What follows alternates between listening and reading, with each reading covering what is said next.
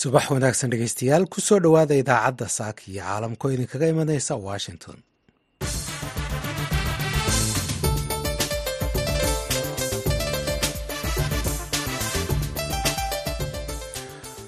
Waa subaxnimo jimcaha bisha februaayo waa laba sanadka labada kun iyo afar iyo labaatanka idaacadda saaka iyo caalamka waxaa idinla socodsiinaya anigoo ah haaruun macruuf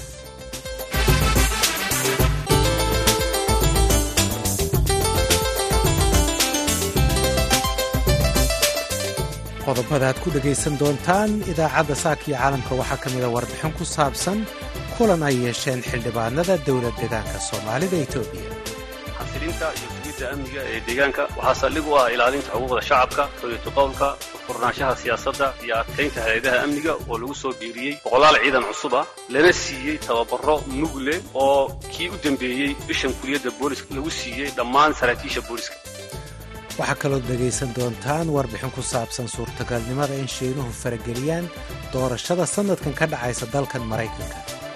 The Chinese will, are likely to be pretty cautious about interfering, especially with the presidential election. I think we might see some Chinese interference through uh, bots and through online activities. waxa uu yidhi shiinuhu waxaa suuragal ah inay aad uga taxadaraan gaar ahaan inay farageliyaan doorashada madaxweynenimada heestii jimcaha iyo qodobo kale ayaan idiin haynaa. Marka horese warkii dunida.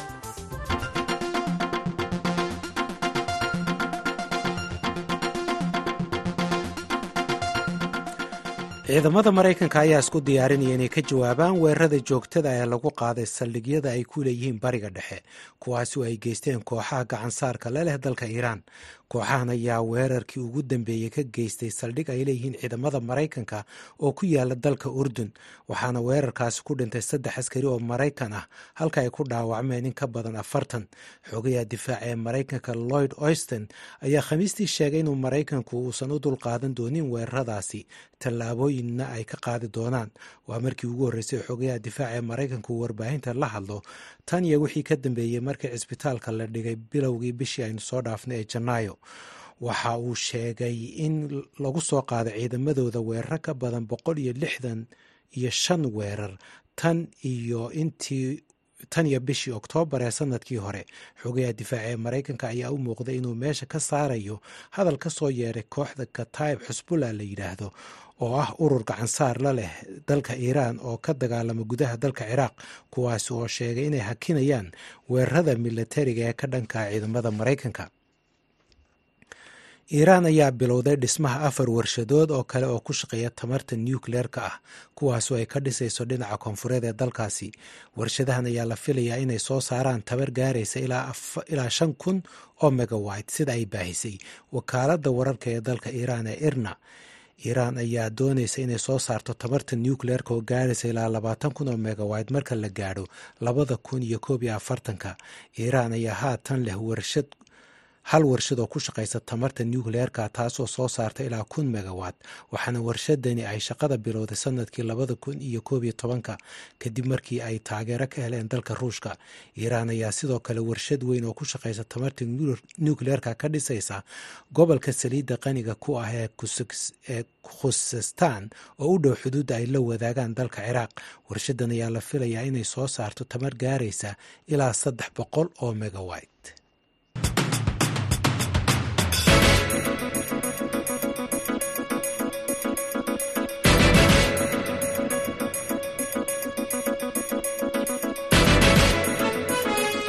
halkaad nagala socotaan waa laanta afka soomaaliga idaacadda voice of america washington kooxaha jabsada xogta ee ku sugan dalka shiinaha ayaa bartilmaameedsanaya kaabayaasha dhaqaalaha ee maraykanka sidaas waxaa koongareeska u sheegay agaasimaha hay'adda dambi baadhista f b i-da digniintan ayaa imanaysa iyadoo dhinaca kale madaxweyne biden uu isku dayayo inuu gacanta u haatiyo shiinaha sidii xiisadda diblomaasiyadeed loo dejin lahaa. Wariyahayaga aqalka cad batsy wirakuswara ayaa warbixintan noo soo dirtay. Kaabayaasha gaadiidka dadweynuhu waa mid ka mid ah halbowlayaasha ay shaqadu ku kala socoto dalkan maraykanka waana mid ka mid ah bartilmaameedyada ay beegsadeen kuwa xogaha jabsada ee shiinuhu. Agaasimaha hay'adda f b i christopher rey ayaa arrintan soo hadal qaaday arbacadii mar ay su'aalo weydiiyeen xubnaha koongareesku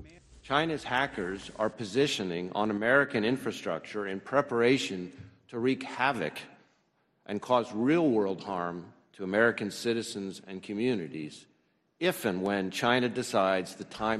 waxa uu yidhi kuwa jabsada xogaha ee shiinaha waxay u malabsanayaan kaabayaasha maraykanka iyagoo isku diyaarinaya inay jahwareer abuuraan ayna dhaawac dhab ah u geystaan muwaadiniinta iyo bulshooyinka maraykanka. Goortii iyo markii ay arrintaas ka soo fusho dowladda shiinaha ee ay go'aansadaan inay tallaabo qaadaan shiinuhu hore ayay gaashaanka ugu dhufteen eedaha jabsashada xogta la xiriirta ee ka imanaya maraykanka waxayna ku tilmaameen eed aan sal lahayn. Digniinta ka timid agaasimaha f b i-da waxay soo baxday iyadoo saraakiil ka tirsan maraykanka ay xilligan safar ku marayaan shiinaha kuwaasi oo tusaale u soo qaatay shiinaha inay iska kaashanayaan la dagaalanka mukhaadaraadka oo ay sheegeen inay caddayn u tahay in xiisaddii la qaboojiyey labadan waddan ayaa sidoo kale bilaabay munaaqasho ku saabsan inay ka wada tashadaan garaadka macmalka ah.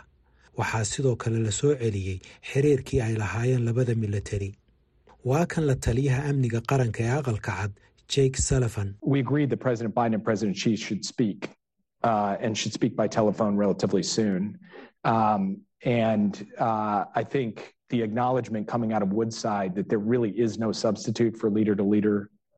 the waxaan ku heshiinay ayuu yidhi in madaxweyne biden iyo madaxweyne g ay wada hadlaan. Ayna dhowaan ku wada hadlaan khadka telefoonka. Sida aan ka aragnay kulankii ay labada dhinac ku yeesheen californiyana ma jiraan wax lagu beddelan karo inay hogaamiyayaashu iyagu wada hadlaan.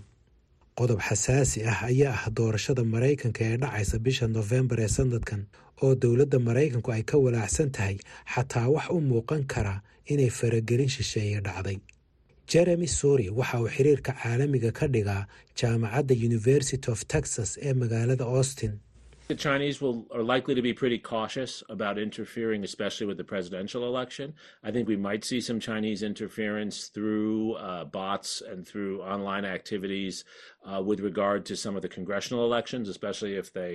Uh,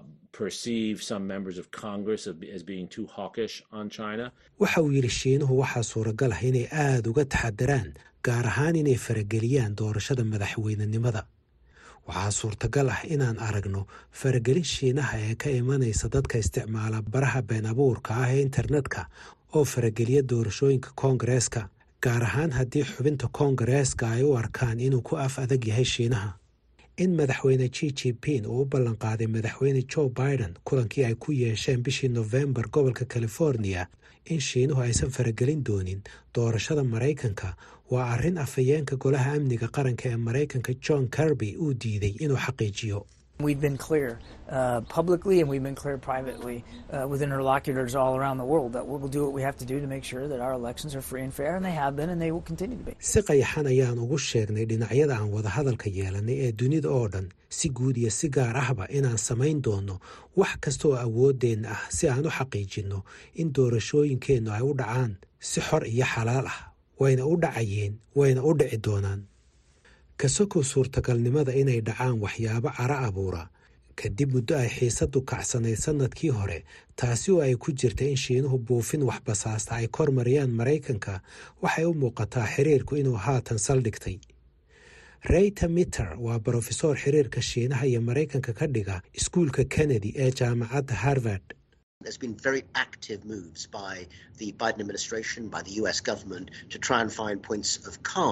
Where China can engage. And on the point, on the part of China, it does seem that there is a willingness, which perhaps wasn't there even uh, a year or two ago. waxaa jiray ayuu yidhi dhaqdhaqaaqyo muuqda oo uu qaaday maamulka madaxweyne biden iyo dowladda maraykanka iyagoo isku dayayey inay abuuraan xaalad deganaansho ah oo ay shiinuhu macaamil ku samayn karaan dhinaca shiinahana waxaa muuqata ayuu yidhi rabitaan aan xataa meesha oolin sannad ama laba sano ka hor waa xaaladaas deganaanshaha ah. Tan maamulka maraykanku ay doonayaan inay u sii seeto dheereeyaan. Xilli uu dagaal ka socdo bariga dhexe. Dagaalkaasi oo noqon kara mid baaha.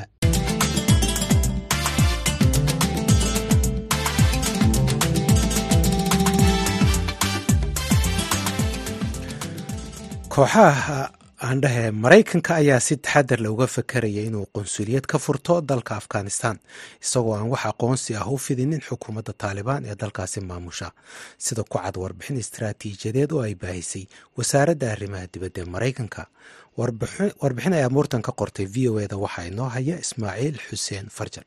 tallaabadan uu qaadayo maraykanku ayaa u muuqataa isbeddel weyn oo ku yimi siyaasaddii maraykanka ee ku wajahnayd xukuumadda taalibaan iyada oo haatan uu maraykanku ka fikirayo in uu maamulkaas kula macaamilo siyaasad xadidan iyada oo maraykanku gaddan leeyahay in uu ka gaadho arrimo dhinaca amniga siyaasadda iyo dhaqaalaha la xidhiidha. Qoraalka loogu magacdaray istaraatijiyadda isku dhafan ee dalka afghanistan oo la meelmariyey bishii oktoobar ee sannadkii hore ayaa dhigaysa in maraykanku uu doonayo in uu qunsuliyad ka furto dalka afghanistan iyada oo lagu sheegay qoraalkaas in taageero loo muujinayo shaqada ergeyga gaarka ah ee madaxweynaha maraykanka u qaabilsan dadka la afduubo ama kuwa la xidho si uu galaangal ugu helo in la soo daayo muwaadiniinta maraykanka ah ee sida cadaalad darrada ah ugu xidhan dalkaas markii ay meesha ka baxday xukuumaddii afghanistan bishii ogost ee sannadkii labada kun iyo koob iyo labaatanka waxaa maraykanku ay gebi ahaanba xidheen safaaraddii ay ku lahaayeen kaabuul taasoo calaamad u ahayd dhammaadka labaatan sano oo dalkaas uu ka socday dagaal iyo weliba iskaashi dhinaca siyaasadda ah oo maraykanku uu la lahaa xukuumaddii afghanistan tan iyo wixii xilligaas ka dambeeyey waxaa maraykanku adeegsanayay in uu howlaha dalka afghanistan ka wado. Safaaraddiisa ku taalla dalka qatar halkaas oo maraykanku uu kulamo goosgoos ah kula yeeshay ururka taalibaan warbixin la sii daayey ayaa lagu sheegay in aanu maraykanku ilaa haatan aqoonsanayn xukuumadda taalibaan in ay tahay dowladda sharciga ah ee ka jirta afghanistan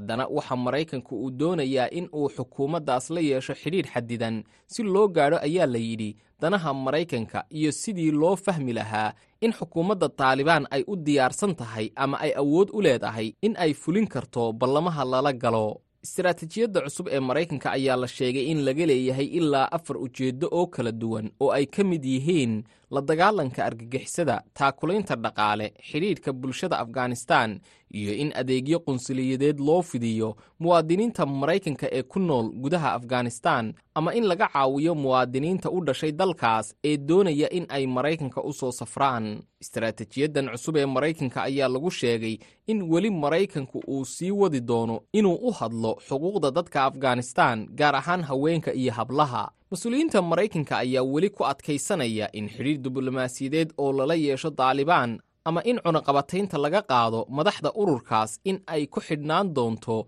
in ay dib uga laabtaan siyaasadaha cadaadiska ku dhisan iyo in ay sameeyaan xukuumad wadaag ah oo ay iska dhex arki karaan bulshada dalka afghanistan mahadsanid ismaaciil xuseen farjar sida aad ku maqlayseen warkaba. Dowladda maraykanka waxay ka fikiraysaa inay jawaab ka bixiso weerar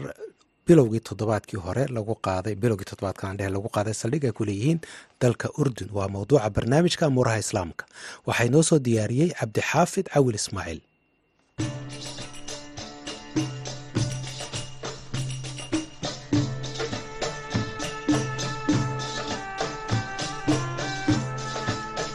kulanti wanaagsan idilkiinba akhyaartana dhegaysanaysa ay meel kasta oo aada caalamka ku sugan tihiinba kuna soo dhowaada barnaamijkeenii amuuraha islaamka madaxa ciidamada kacaanka iiraan xuseen salaami ayaa sheegay inay iiraan diyaar u tahay khatar kastaha oo kaga timaada maraykanka. Tan ayaana imanaysa iyada oo ay washington diyaarinayso. Sidii ay uga jawaabi lahayd dalkii askarta maraykanka oo ka dambeeyeen maleeshiyaad loo tuhmayo inay iiraan taageerto. Jawaab noocma ah ayaa haddaba laga yaabaa inuu maraykanku ka bixiyo maleeshiyaadka iiraan taageerta ee ku sugan bariga dhexe saameyn inteleg ayay ku leeyihiin askarta maraykanka ee ku sugan gobolka barnaamijkeena ayaynu dhegaystayaal ku eegeynaa haddii ilaahay idmo sida lagu baahiyey wakaalada wararka ee reuters madaxweynaha maraykanka joe biden ayaa toddobaadkan sheegeen inay go'aamiyeen qaabka ay uga jawaabayaan dilkii askarta maraykanka ee jordan lagu weeraray diyaaradaha droniska loo yaqaano laakiin faahfaahin kama uu bixin. Washington ayaa dilka askartan oo ah kuwii ugu horeeyey intii uu bilowday dagaalka xamaas iyo israa'iil ku eedeeyey maleeshiyaadka kitaab xisbullah oo iiraan taageerto xaruntooduna tahay dalka ciraaq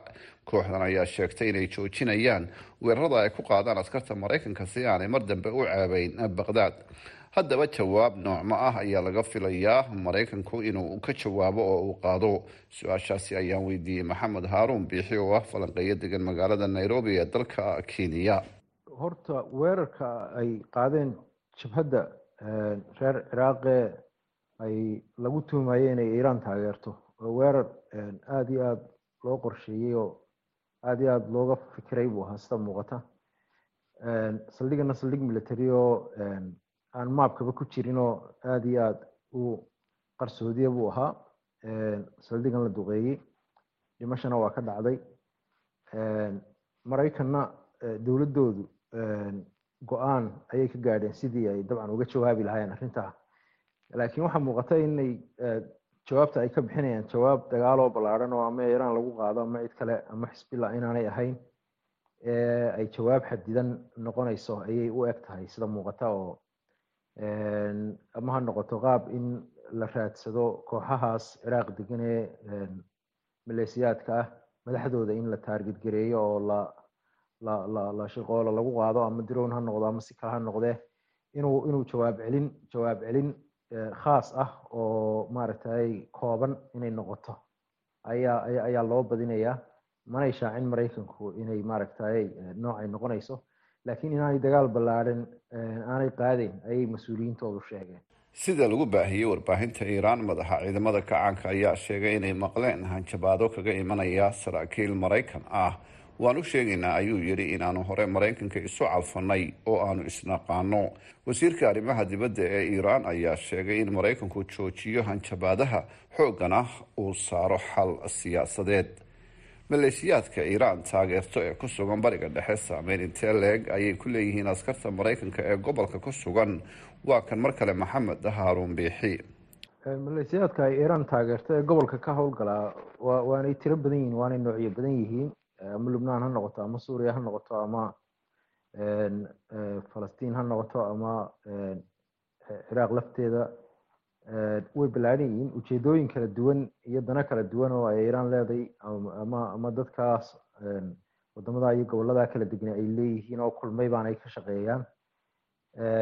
Saameyn ma ku leeyihiin maraykanka ciidamadiisa? Mid toosa kuma le militarily oo ciidan ahaan kuma le mid toosa laakiin waxay saameyn ku leeyihiin danaha guud ee reer galbeedka ee maraykan iyo israael iyo waddamada galbeedka. Danaha ay ka leeyihiin gobolkan bariga dhexe guud ahaan ayay ayay ayay ku leeyihiin saameyn oo danta iiraan ay leedahay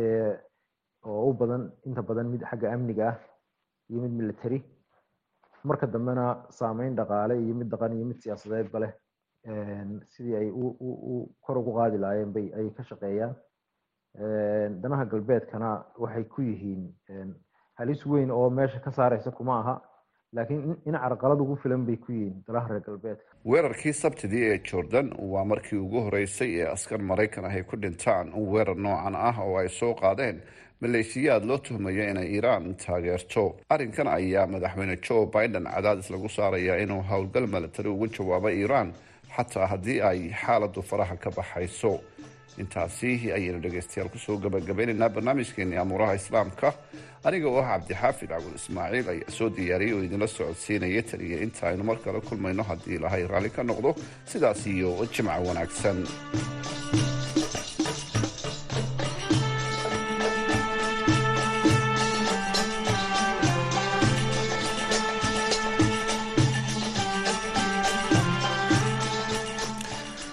aad iyo aad buu umahadsan yahay. Cabdi xaafid caawil ismaaciil oo inala socodsiinaya barnaamijkaasi amuuraha islaamka.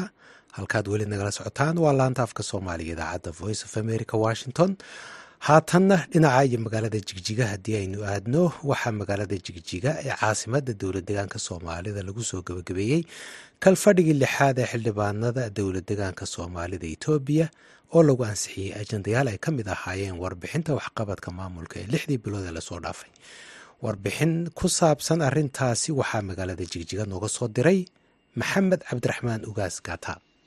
Kalfadhigan oo ahaa kalfadhigii lixaad ee golaha lixaad ee xildhibaanada dowladdeegaanka soomaalida ayaa ka qabsoomay magaalada jigjiga ee caasimada dowladdeegaanka soomaalida. Haddaba kadib markii ay hubisay afhayeenka golaha xildhibaanada dowladdeegaanka soomaalida marwe ayaan cabdi in kooramka uu dhan yahay islamarkaana ay soo xaadireen xildhibaano dhan laba boqol labayo toban xildhibaan ayaa waxaa si rasmi a u furtay kalfadhigani afhayeenka golaha xildhibaanada dowladdeegaanka soomaalida marwe ayaan cabdi waxayna halkaasi ka soo jeedisay ajendayaasha horyaalay kalfadhigani ajendayaasha maanta inoo horyaala waa saddex ajende ajendaha koowaadi waxa weeyaan ajendihii hadal qoraaleedkii kalfadhigii shanaad ee hore. Ajendaha labaadina waxa weeyaan soo jeedinta iyo dhegaysiga warbixinta xukuumadda ee lixda bilood. Ajendaha saddexaadina waxa weeyaan bayaan bayaankaas oo ah bayaanka aasaasida maamulka dugsiyada hoyga dowladda deegaanka soomaalida. Saddexdaa ajende weeyaan maanta waxayna horyaalaa kadibna waxaa cod la geliyey ajendayaasha horyaalay kalfadhiga ee ay soo jeedisay afhayeenka iyadoo si guud loo ansixiyey. Intaasi kadib ayaa waxaa la gudagalay dhegaysigii ansixinta warbixinta waxqabadka xukuumadda dowladdeegaanka soomaalida ee lixdii bilood ee la soo dhaafay ee sanad miisaaneedka tobanka tirsiga taariikhda etoobiya oo uu soo jeediyey madaxweynaha dowladdeegaanka soomaalida mustafa maxamed cumar waxa uuna madaxweynuhu ku sheegay warbixintiisa waxyaabaha xoogga ay saartay xukuumaddiisa lixdii bilood ee la soo dhaafay waxa uuna yidhi miisaaniyeedkan tirsiga etoobiya xukuumaddu waxay mudnaanta siisay oo golahan sharafta lehina uu la qaatay sii xoojinta siyaasadda xasiloon sugidda amniga dhammaystirka iyo ka shaqaysiinta mashaariicda horumarneed koruqaadidda wax soo saarka tayeynta waxbarashada iyo diyaargarowga masiibooyinka iyo xaaladaha degdega. Si loo xaqiijiyo hadafyadaas waxay xukuumaddu qaadatay in dakhliga kor loo qaado la yareeyo mashaariicda fudfudud ama soft projectska in la sii adkeeyo isla xisaabtanka iyo in dib u habeyn lagu sameeyo hay'adaha dawliga ah lana kobciyo awoodooda fulineed. Mudanayaal iyo marweyn xuskii koowaad ee maalinkii deegaanka la aasaasay koo iyo soddonka sano ka hor oo aan toddobaadkan u dabaaldegnay wuxuu ku soo beegmay deegaankeenna oo siyaasad siyaasadiisu xasiloon tahay kuna suntan amni xilli ay xasarado badan ka aloosan yihiin agagaarka iyo geeskaba sidoo kale madaxweynaha deegaanka mustafa maxamed cumar ayaa sheegay xasilinta iyo sugidda amniga inay sal u tahay ilaalinta xuquuqda shacabka iyo furfurnaanshaha siyaasadda deegaanka xusayna in wadahadal lagu xaliyey isku dhacyada bulshada dhexdeeda ka jiray. Xasilinta iyo sugidda amniga ee deegaanka waxaa saldhig u ah ilaalinta xuquuqda shacabka xoriyatu qowlka furfurnaanshaha siyaasadda iyo adkaynta hay'adaha amniga oo lagu soo biiriyey boqolaal ciidan cusub ah. Lana siiyey tababaro mugle oo kii u dambeeyey bishan kuliyadda booliska lagu siiyey dhammaan saraakiisha booliska waxaa wadahadal lagu xaliyey isku dhacyo ka badan toban oo bulshada dhexdeeda ahaa oo ka kala jiray degmooyinka gursum baabili elele beeracaano higloole iyo feerfeer dhooboweyn dolobaay baarey yoocale xarshin dhagaxmadow iyo mula bilcilbuur dhanka kale madaxweynaha ayaa warbixintiisa ku sheegay in hadda lagu jiro wadahadal sidii shacabkii ka soo barakacay galbeedka city loogu celin lahaa goobahoodii waxa uuna yidhi waxaa hadda lagu jiraa wadahadal ku saabsan sidii shacabkii soo barakacay loogu celin lahaa goobahoodii. Amniga xuduudaha aan la leenahay deegaankaan jaarka nahay oromiya ayaa si joogta ah uga wada shaqaynaa dowladda deegaankaas iyada oo inta badan wixii soo kordha lagu xaliyo isafgarad kadib dhegaysiga warbixinta xukuumadda ayaa golaha waxay cod ku ansixiyeen warbixinta. Uu soo jeediyey madaxweynaha maxamed cabdiraxmaan gaata v o a magaalada jigjiga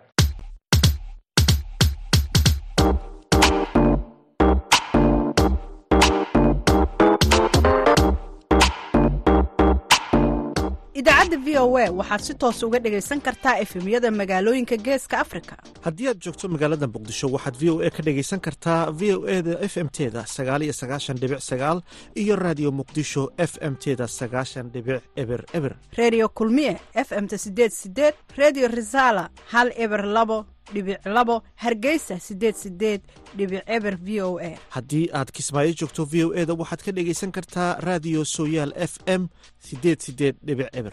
Gobolka hiiraan hiiraan weyn f m sagaashan megaherts redio baydhaba f m. Haddii aad joogto puntland v o a waxaad ka dhegaysan kartaa s b c radio boosaaso siddeetan iyo sagaal dhibic sagaal f m qardho siddeetan iyo sagaal dhibic sagaal f m isla mawjadahaasi waxaad ka dhegaysan kartaa waaciya iyo garowe. Wajeer waxaad naga dhegaysan kartaa star f m sagaashan iyo toddoba dhibic saddex mandheera waxaad naga dhegaysan kartaan star f m sagaashan iyo toddoba dhibic shan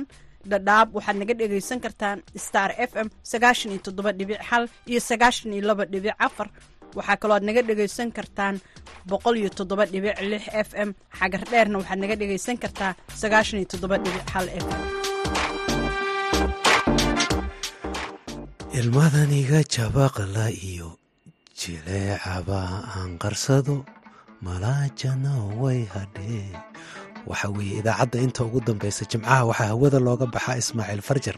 oo soo xula heestii toddobaadka. Saalax qaasinaaji iyo jaleeco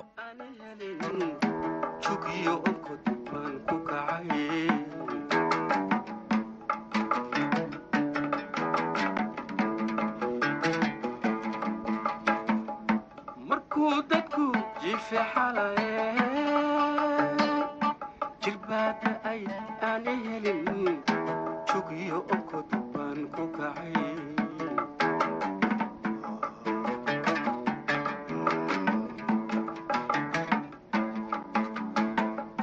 Waxaan jeedaaliyon jalleeca helaadiyaba. Dabeed ku jaciiri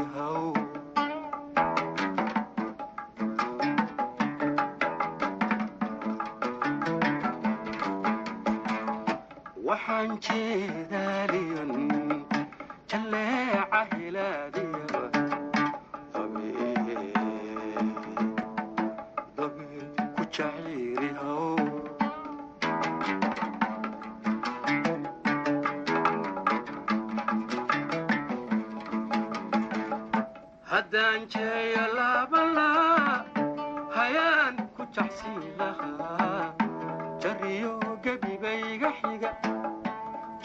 ka sokeeya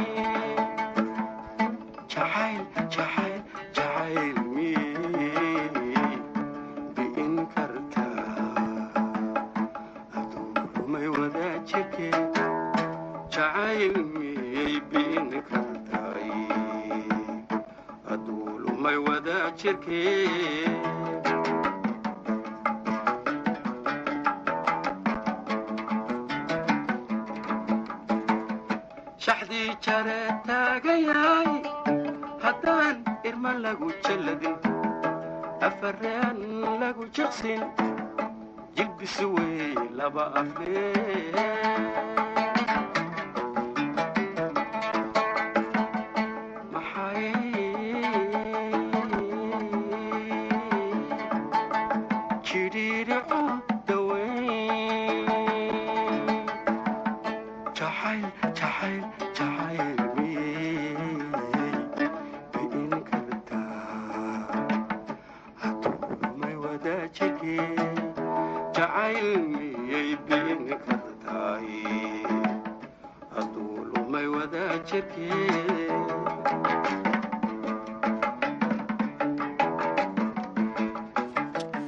heestaasi saalax qaasin naaji ayaan ku soo xiraynaa